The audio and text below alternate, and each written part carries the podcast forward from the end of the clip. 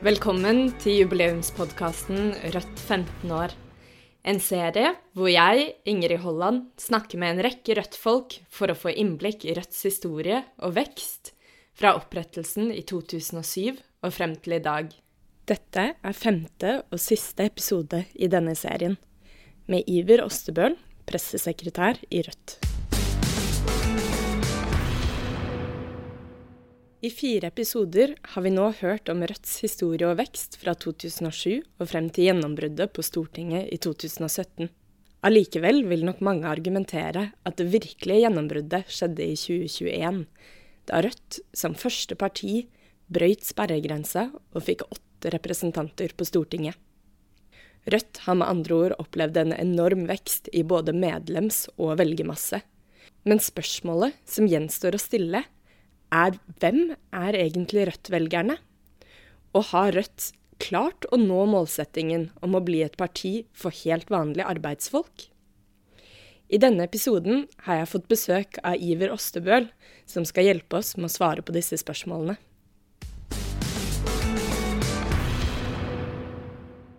Da har jeg fått eh, besøk av Iver. Hei, Iver. Hallo. Vi skal snakke litt om eh, Rødt sine velgere i dag. Ja. Um, men som alle andre som er på besøk i denne podkasten, så skal du også få lov til å presentere deg selv og fortelle litt om din Rødt-historie først. Ja, min uh, Rødt-historie begynner vel kanskje i uh, januar 2013. Da begynte jeg å jobbe i, Rødt. Um, da begynte jeg å jobbe med presse som pressesekretær. Uh, og um, kom vel inn fordi egentlig så skulle Mimir Kristiansson, vår, vår, gode mann, han hadde egentlig vært positiv til å ta en sånn jobb. Og så hadde han løpt fra det løftet. Det hender jo at han, han gjør det. Eh, så da måtte de finne noen annen, da. Så da var jeg eh, en slags plan B. Så, men jeg syns det hørtes spennende ut. Eh, før det så hadde jeg vært leder i Rød Ungdom fra 2010 til 2012. Og så vært en kort tur innom Manifest tankesmie. Og så ja, har jeg da jobba siden 2013 med presse og kommunikasjon for Rødt og for partiledelsen i Rødt. Og mye sånn redigerte medier, innsalg til aviser og sånn, og så mer og mer sosiale medier og nettkampanjer og sånne ting. Mm. Og det er det du gjør i dag også? Ja. I dag så jobber jeg aller mest med nett og sosiale medier. Jobber litt mindre med sånn rene presseinnsalg. For det, nå har vi blitt så store, så nå har vi en stor gjeng borte på Stortinget som jobber bare med det. Så jeg har en, en halv fot uh, bortpå der også, for å sørge for at ja, vi som holder på på partikontoret, da, vet litt hva som skjer borte på Stortinget og omvendt. Men det er aller mest sosiale medier. Mm.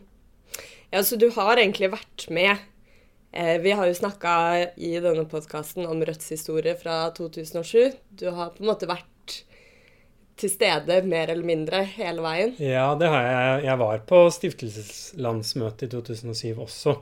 Eh, jeg meldte meg vel inn i Rød Ungdom sånn i 2003. Eh, og så holdt jeg på der, da. Fram til ja, at jeg ble leder, som sagt. Og så, når jeg var ferdig med det, så var det på tide å prøve å få styr på voksenpartiet. Mm. Og vi har jo til nå snakka ganske mye om Rødt sin utvikling og vekst eh, de siste 15 årene. Og i forrige episode så snakka jeg med Bjørnar om 2017, og hvordan det egentlig var et liksom første gjennombrudd. Um, men det egentlige gjennombruddet var kanskje 2021, da vi tok sperregrensa og gikk fra én til åtte stortingsrepresentanter? Ja, 2021 var jo i hvert fall da alle andre var enige med oss uh, i at vi hadde gjort et sånn kjempegjennombrudd. Uh, og vi gjorde uh, både et rekordvalg for vår egen del, men også noe ingen andre norske partier har fått til siden sperregrensa ble funnet opp, nemlig mm. å, å, komme forbi den. Den sperregrensa ble jo nærmest lagd for at nye partier ikke skulle klare å, å slå seg opp uh, og, og, plage de etablerte, da. Uh, så det var uh, et helt sånn historisk øyeblikk for partiet og for norsk politikk. Mm. Og jeg tenkte at vi skulle snakke litt om hvem er, hvem er Rødt sine velgere? Og hva er det som skjedde i, i 2021? Har det vært Eller det blir jo et veldig ledende spørsmål, da, fordi jeg vet jo svaret. Men eh, det har vært en liksom forflytning i Rødt sin velgermasse. Ja, det har det. Eh, vi har uh, samla inn data på dette, eller man kan Det finnes sånne store meningsmålinger som gjøres. Eh, og der er det mulig å, å skaffe data uh, også på hvordan folk endrer mening om hvilket parti som de har planer om å stemme på, og hva de har stemt på før og sånn. Uh, og det er en sånn stor database som heter Forbruker og media. Uh, og det som er veldig kult med den, er at de har gjort ganske samme type meningsmåling hvert år i veldig mange år. Sånn at det er mulig å sammenligne data om eh, på en måte typiske Rødt-velgere i 2010 med eh, typiske Rødt-velgere i eh, 2020. da. Mm. Så eh, før valget i 2021 så bestilte vi en sånn rapport som så på det. Uh, og da Det var ekstremt spennende, i hvert fall hvis du er litt sånn partiet-nerd, da, Mm. som det, det jeg er, og, og liker å ja, eh, se detaljert på hvordan det går med ditt eget parti, så kan man finne ut mye om hva som på en måte kjennetegna Rødt-velgerne eh, ti år tilbake, og hva som er utviklinga fram til litt mer sånn ja, vår tid, eller i hvert fall eh, hvordan statusen var eh, rett før det store gjennombruddet, da. Mm. Eh, og det man så, et helt sånn eh, avgjørende trekk på de ti åra, det var at eh, tyngdepunktet blant Rødt-velgerne flytta seg fra at den typiske Rødt-velger eh, var en som hadde på en måte var litt sånn over snittet på rangstigen sosialt i Norge, Mm. eh, så falt man litt under. Så det var en utvikling fra å være et parti med et visst sånn elitepreg på velgerne sine, til Mm. å bli mer folkelig.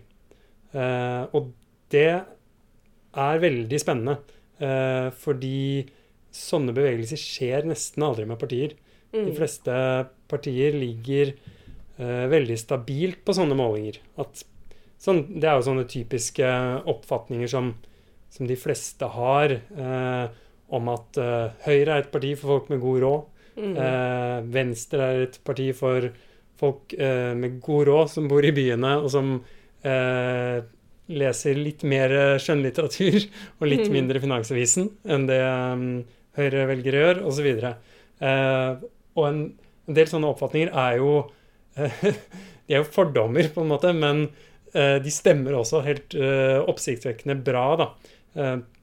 Og um, den ideen om Rødt-velgeren i 2010 eh, som en litt sånn akademisk anlagt person som kanskje hadde en del utdanning, jobba i offentlig sektor og likte høyt skattenivå.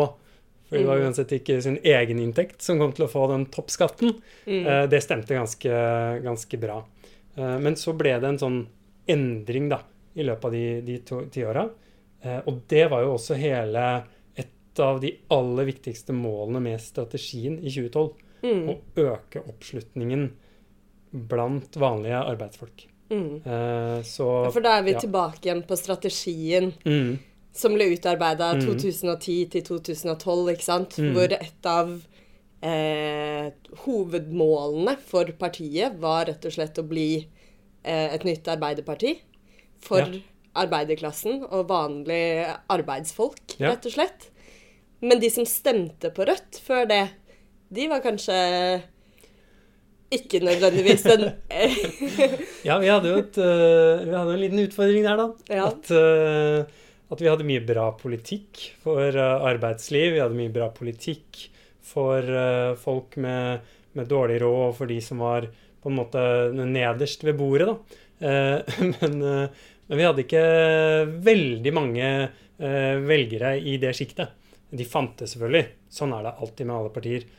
Du finner, du finner millionærer som stemmer på Rødt, og du finner lut fattige folk som stemmer på Høyre. Men Mm. når man går inn på statistikk og ser på eh, hva som er typisk, da, hva som er hovedtrekkene, så kan du finne sånne tyngdepunkter. Eh, og da hadde vi en utfordring med at eh, det var eh, flere sånne typiske eh, folk med akademisk bakgrunn, litt sånn professortyper, enn det var disse mm, eh, resepsjonistene eller eh, hjelpepleierne og Mm. sånne ting, da. Mm. Og det endra seg jo da eh, etter hvert i løpet av de, de tiåra. Sånn at eh, Og det betyr sånn at eh, vi fikk mer tyngdepunkt nettopp blant hjelpepleiere, blant mer sånn slitere både i offentlig sektor, men dels også i privat. For folk som jobber på kafé, som sjåfør, som på hotell, sånne ting. da, Der fikk vi et helt annet uh, fotfeste. Mm. Mm. Og det er jo litt sånn eh, Det er jo interessant, det, fordi det er jo en litt sånn myte, kan man si, at eh, Rødt konkurrerer med velgerne til SV og MDG, f.eks. Mm. Men så ser vi jo det på de tallene her, da, at det ikke nødvendigvis stemmer.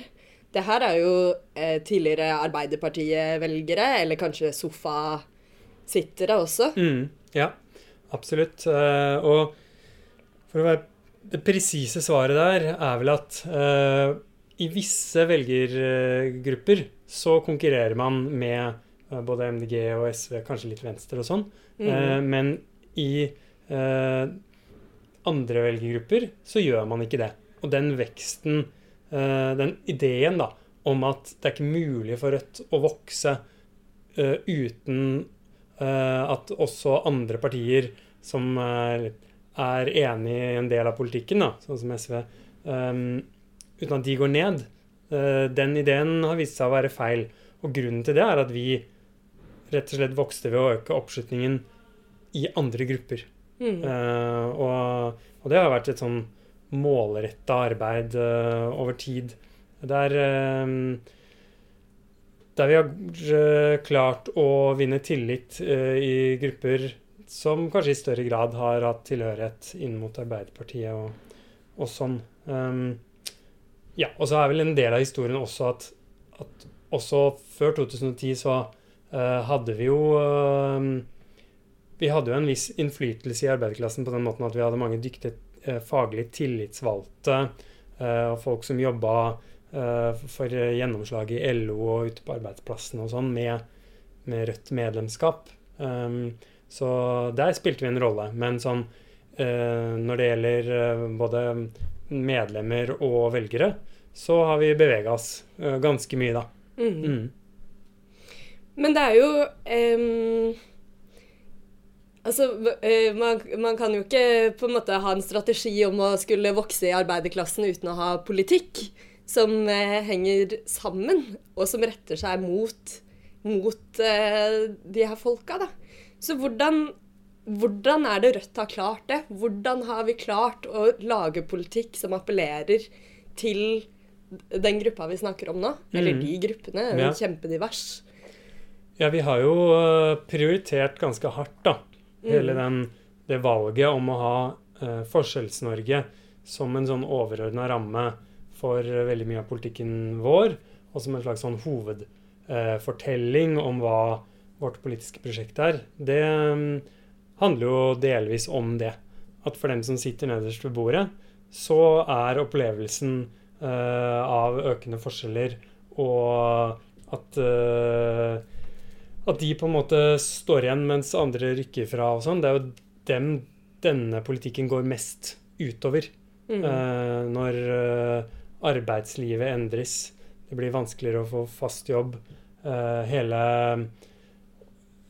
den uh, utviklinga med mer innleie i eh, arbeidslivet, eh, utrygge jobber, sånne ting, det rammer jo de nederst i større grad. Eh, så vi har prioritert ganske hardt å ha god kontakt eh, med, eh, med fagbevegelsen og fagforeninger for å få input på hva slags uh, opplevelser og problemer er det disse folka trenger et parti uh, som kan være dems stemme, da. Uh, og ta opp deres problemer og, og, jobbe med løsninger på det. Um, og så har vi prøvd å prioritere det aller fremst, og konkretisere det også. og det handler jo f.eks. om ja, kampen om å forby innleie i arbeidslivet. Uh, dette med gratis tannhelse har vært en, uh, en viktig sånn spissak. Uh, og det er klart at det er jo noe som slår ut veldig sånn Litt forskjellig om du er nederst i samfunnet eller på toppen. Fordi er du på toppen og, har råd og overskudd til å hele tiden ligge litt sånn i forkant, da, så er kanskje konsekvensen av det hullet i velferdsstaten som uh, mangelen på gratis tannhelse representerer. Mm. Det kan være litt irriterende, men du har råd til å gå til jevnlig sjekk. Du ligger liksom i forkant. Du passer på å ikke få de der store de aller største regningene, kanskje. Selv om mm. det varierer, selvfølgelig. Mens for de som er aller mest utsatt, så prioriterer de jo vekk det tannhelsebesøket. Mm. De dropper det. De venter kanskje flere år med å gå til tannlegen. Eh, de tygger Paracet istedenfor. Eh, så det handler litt om å ta, ta de opplevelsene og de problemene mm, som vanlige folk sliter med, og sette helt øverst. Mm. Mm. Men det var jo veldig tydelig i 2021-valgkampen. Eller hvis vi knytter det her litt sånn opp mot den uh, historiefortellingen mm. om Rødt, da, så var det på en måte 2017 var Det var, hva skal vi si, uh, profittfri velferdsvalget. Uh, um, og 2021, det var da på en måte Rødt hadde flere hovedsaker som alle går under Forskjells-Norge-paraplyen, ikke sant? Men um, eh, når man skal gå Når man skal eh, Hva skal jeg si Gå til valg på, på den veksten vi hadde i mellomtiden, da. Um, og også for å ta sperregrensa, så er det jo noe med å ha en helhetlig politikk som fanger opp på en måte alle disse småtingene som, som du nevner, som eh, vanlige folk bryr seg om. Mm. Ja, vi bredda jo ut eh, partiet, og også Eh, fikk jo muligheten til å, å fronte flere saker. Mm. Det var det ikke kapasitet til på mange måter i, i 2017. Og i 2017 så hadde vi en sånn posisjon som tilsa at de få gangene du eh, kommer i media, så må du bare si det samme mm. hver eneste gang. Selv om Bjørnar ble så lei at han holdt på å gå på veggen, så, så var det helt riktig å gjøre. For de måtte på en måte satse alt eh, på på den saken og den posisjonen. Mens etter fire år på Stortinget, der uh, flere var blitt uh, kjent med oss, og jeg også hadde uh, hatt muligheten til å begynne å, å, bygge opp flere talspersoner og profiler, f.eks. med, med Marie som første nestleder, da var det også mulig å snakke om flere saker i flere ulike medier, fordi du rett og slett slipper til veldig mye mer. Mm. Eh, og så må man jo ta inn over seg at uh, også blant på en måte folk uh, som er litt dårligere stilt, så er de jo opptatt av litt forskjellige ting. Mm. at i deler av arbeidslivet så, så, er dette med innleie veldig aktuelt. Mens i andre deler av arbeidslivet så, så, er faktisk det med profittfri velferd og hvordan det presser bemanning og nå pensjonsvilkår, som vi ser med streiken i, i private barnehager og, og, under PBL, da. det er mm. kanskje mer aktuelt. Uh, mens du har andre igjen som ja, som er, uh, er barnefamilier. Uh, de er opptatt av barnetrygden, at den mm. har stått stille. så for å rett og slett for å kunne samle en koalisjon og få ja, 4, 4% som er sperregrensa, det ligger rundt 120 000 velgere, da, var det vi regna med før, uh, før 2021. Uh, eh, og da er det, det er et regnestykke som må gå opp. Ja. Du må rett og slett ha oppslutning blant uh, mange nok uh, mennesker. Og da var det riktig å, å bredde ut, men å prøve å gjøre det på en måte som gjør at det passer under en Forskjells-Norge-paraply, da, stort sett. Mm. Ja, 120 000, det er litt folk, det. Det er, det, Ja. det er flere enn hva du finner på Øvre Blindern, da. Absolutt, absolutt. Og det er jo eh, fordelen med å, å prøve å bredde seg ut også. Mm. Eh, at, at det å eh, bare konsentrere innsatsen om å på en måte eh, slåss om litt mer sånn kulturelitesjiktet av velgerne, Mm. eh, det er rett og slett det er færre folk enn om man heller satser på å bredde ut en, en koalisjon eh, av, eh, av velgere. Eh, og da kan det være nyttig å, å bare ha med seg at det at vi har bredda oss ut, det betyr jo ikke nødvendigvis at, all, at de som stemte på oss i 2010, eh, og at de ikke er med lenger. Eller at vi har gjort Det aldri vært noe mål for oss å skyve solidarisk innstilte professorer fra oss, på noe vis. Mm. Eh, det er ingenting galt med, med det, men det har vært et mål for oss å bredde ut og lage en, en koalisjon, da. Så det blir på en måte eh, høy ut, høyt utdanna, lavt utdanna, kvinner og menn, ulik bakgrunn, sammen mot Forskjells-Norge. Det har vært prosjektet på mange Mm. måter.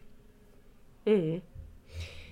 Men når vi snakker om em, å bredde seg ut og eh, nye velgermassen, så er det også interessant å snakke litt om geografi. Um, for det har vel også endra seg ganske, ganske drastisk. Ja, tenker du på hvor i landet vi har oppslutning Mm. og, og sånne ting?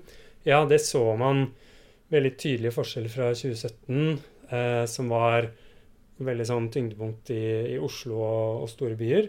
Og ut mot 2021, der vi plutselig vi går fram i omtrent alle kommuner i hele landet.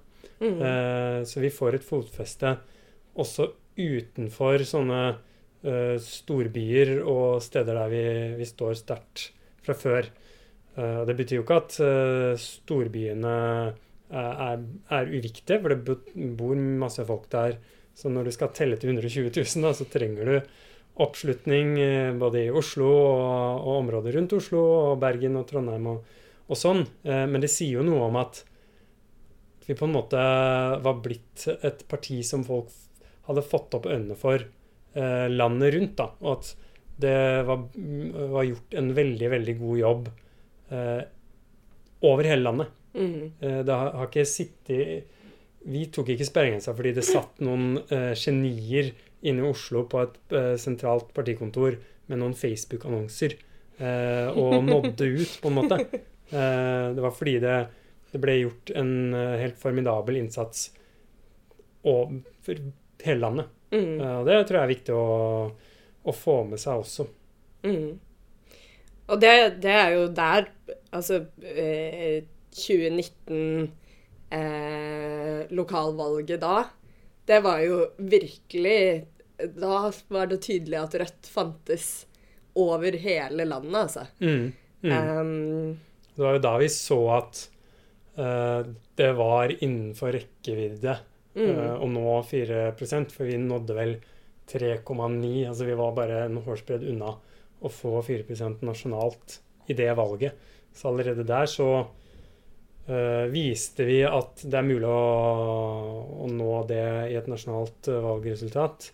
Og så etablerte vi oss da med nye profiler i kommunestyret og hele landet mm, som ble viktige ambassadører for Rødt i sine lokalmiljøer og, mm, og sånn. For det mm, Jeg tror det er veldig viktig å hele tiden ha med seg at uh, politikk handler jo mye om mennesker, da. Og det å ha tillit til mennesker.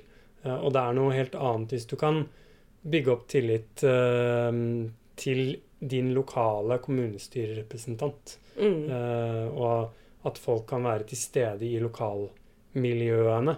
uh, og snakke om Rødt-politikk og ja, svare på spørsmål og vise fram uh, hvem man er, og korrigere inntrykket av hva slags parti Rødt er. da.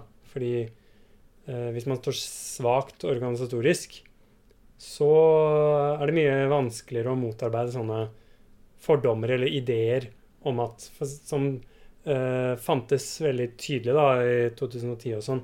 Mm. At Rødt er dette livsfjerne akademikerpartiet. Men i det, i det du uh, Ja, hvis du bor på Flisa, og så er det på en måte uh, kona til en på jobben din som melder seg inn i Rødt, så ser du at det er noe annet. Mm. Men eh, når jeg har deg her, Iver For nå, forrige episode så snakka vi jo veldig mye om 2017-valget. Og jeg føler vi må snakke litt mer om 2021-valget. Bare fordi det var så stort, og det ja, gikk ja. så bra. Ja, jeg blir så glad jeg, av å snakke om 2021-valget. så det gjør jeg gjerne. Hva, hva tenker du Hva var det som funka? Ja, hva var det som funka? Uh, jeg tror det funka med Det er noen sånne kjedelige og veldig sanne svar. Sånn kontinuitet. Uh, å være et gjenkjennelig parti med et gjenkjennelig politisk prosjekt over lang tid. Uh, så hele den innsatsen som var gjort med å få hele partiet til å snakke om Forskjells-Norge på sin måte, tilpasse det sine lokalsamfunn og sånne ting, tror jeg var viktig.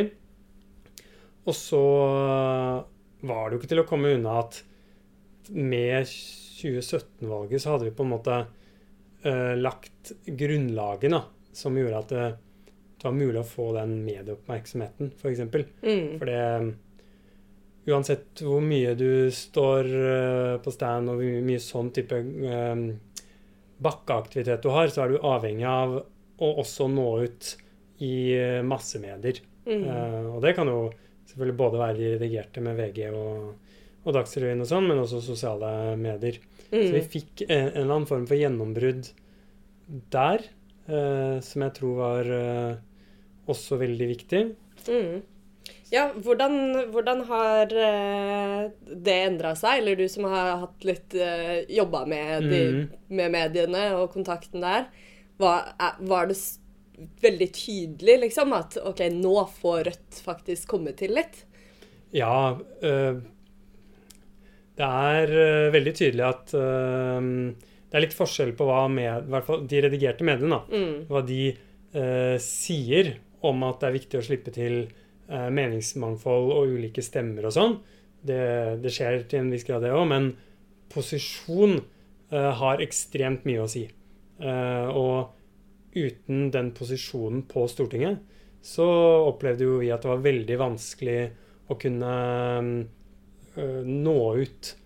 Da er ikke VG interessert i å dekke meningene dine. Mm. Uh, da kan du ikke bare synse litt, da. Uh, I tillegg så mister du muligheten til å, å gjøre ting som skaper grunnlaget for medieoppmerksomhet. For type stille et forslag på Stortinget.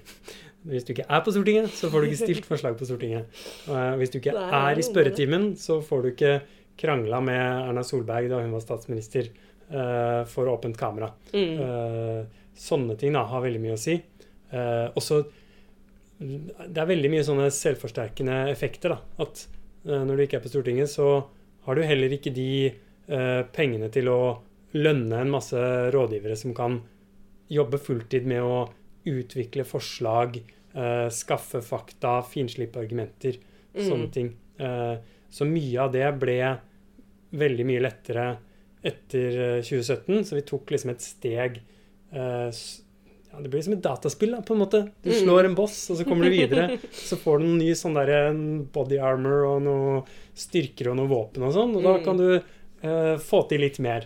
selv om vi sikkert prøvde like hardt før, eh, før 2017-valget, så var, var, liksom ikke forutsetningene der, da. Mm. Uh, det gjorde at vi uh, at vi klarte å bryte gjennom uh, på alvor i, i 2021. Og så fikk vi inn Det må jeg også si, da, at vi fikk jo inn veldig, veldig gode ansatte også.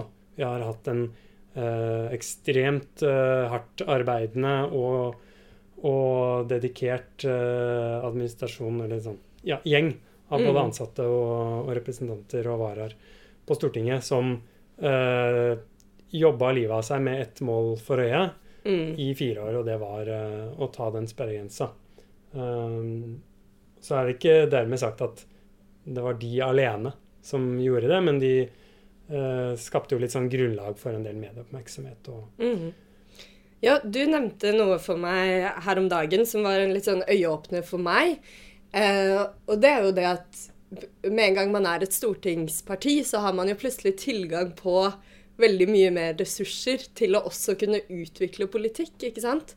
Bare det, den prosessen med å lage alternative statsbudsjett, um, ha tilgang på Hva var det du nevnte? Um, Finansdepartementets kalkulator? Ja. ja.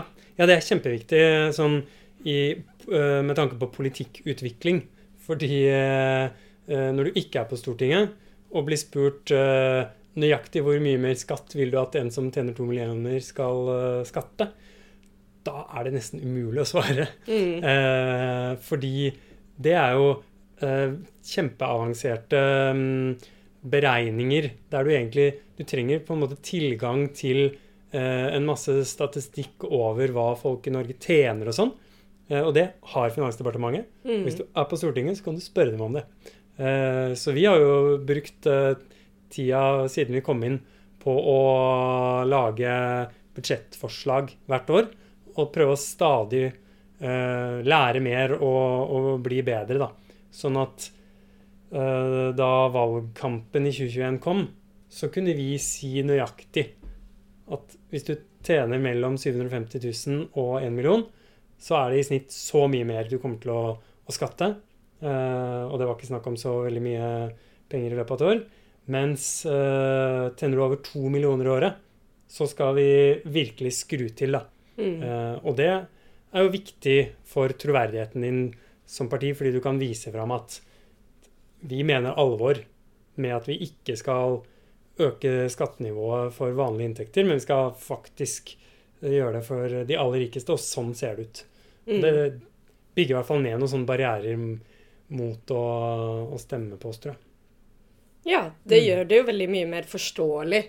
Eh, altså, hvilke, mm. hva, hva, betyr det for meg, ikke sant? Når du mm. skal velge hvilket parti du skal stemme på også. Mm. Ja, og en sånn uh, Kanskje mistanke, da, som fort uh, retter seg mot, mot, partier som er litt sånn utfordrere og sånn, uh, og som er høylytte og har tydelige krav, som, som handler om har de orden i sysakene.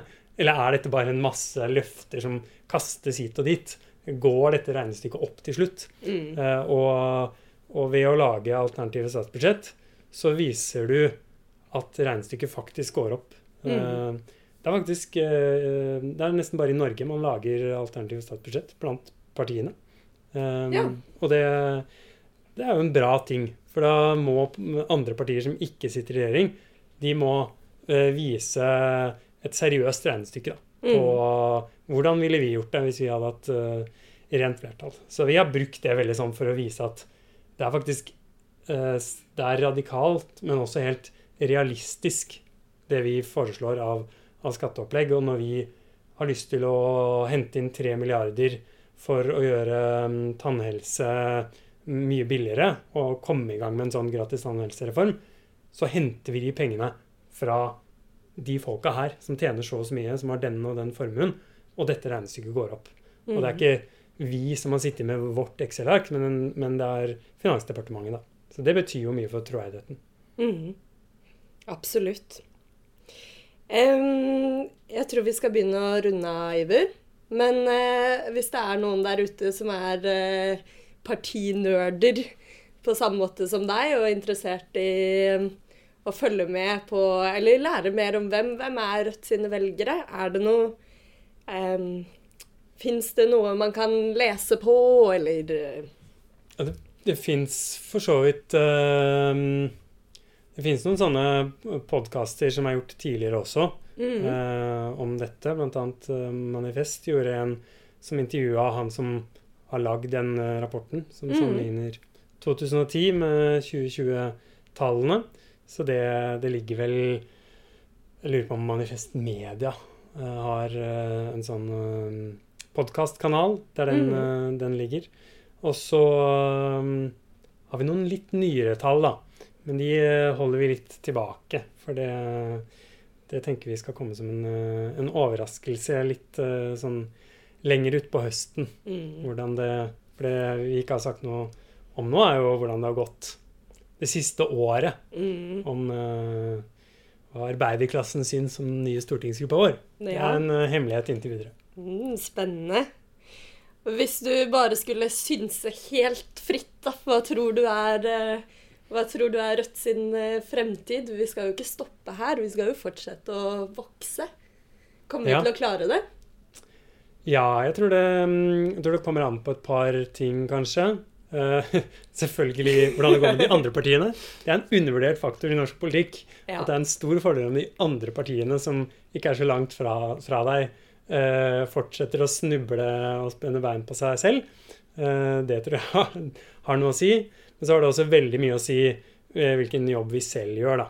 Mm. særlig med å ta imot alle disse tusenvis. Altså det er jo 6000-8000 eh, medlemmer som bare har vært med i partiet i veldig kort tid. Mm. Eh, og de må oppleve at det er meningsfylt å, å være med. Og, og i sum så representerer jo de en masse sånn kunnskap om hvordan det går i Norge. eh, Mm. og, og en masse kraft hvis eh, man får dem til å trekke sammen. Men eh, med litt flaks så tror jeg vi kommer oss ut av eh, det jeg kaller sumpa, da. Som er sånn rundt Hvis du vaker rundt 4% inn mot et valg, så havner fort mye av spørsmålene rundt om du kommer over eller under sperregrensa. Mm. Og vi har kommet ut av den sumpa. Og hvis vi klarer å holde oss der, så, så kan det gå strålende videre. Ja. ja. Det har vært nok prat om sperregrensa. Ferdig Ja, med den nå, for vi er Ja. godt forbi. Ja, hvis uh, vi koser opp og oppe på sånn 6% og ser ned mot sperregrensa og tenker på hvor slitsomt det var å holde på der nede. Se tilbake på historien. Mm. Nei, men eh, Iver, tusen takk for at du ble med her. Takk for eh, innsikt i både Rødts velgermasse og eh, 2021-valget. Bare hyggelig.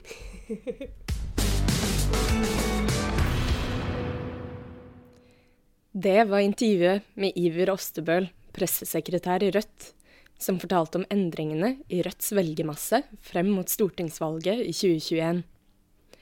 Dette har vært siste episode av Rødts jubileumspodkast Rødt 15 år, en serie hvor jeg, Ingrid Holland, har undersøkt Rødts historie og vekst siden stiftelsen i 2007. Selv om denne serien nå er ferdig, så blir det mer podkast fra Rødt fremover.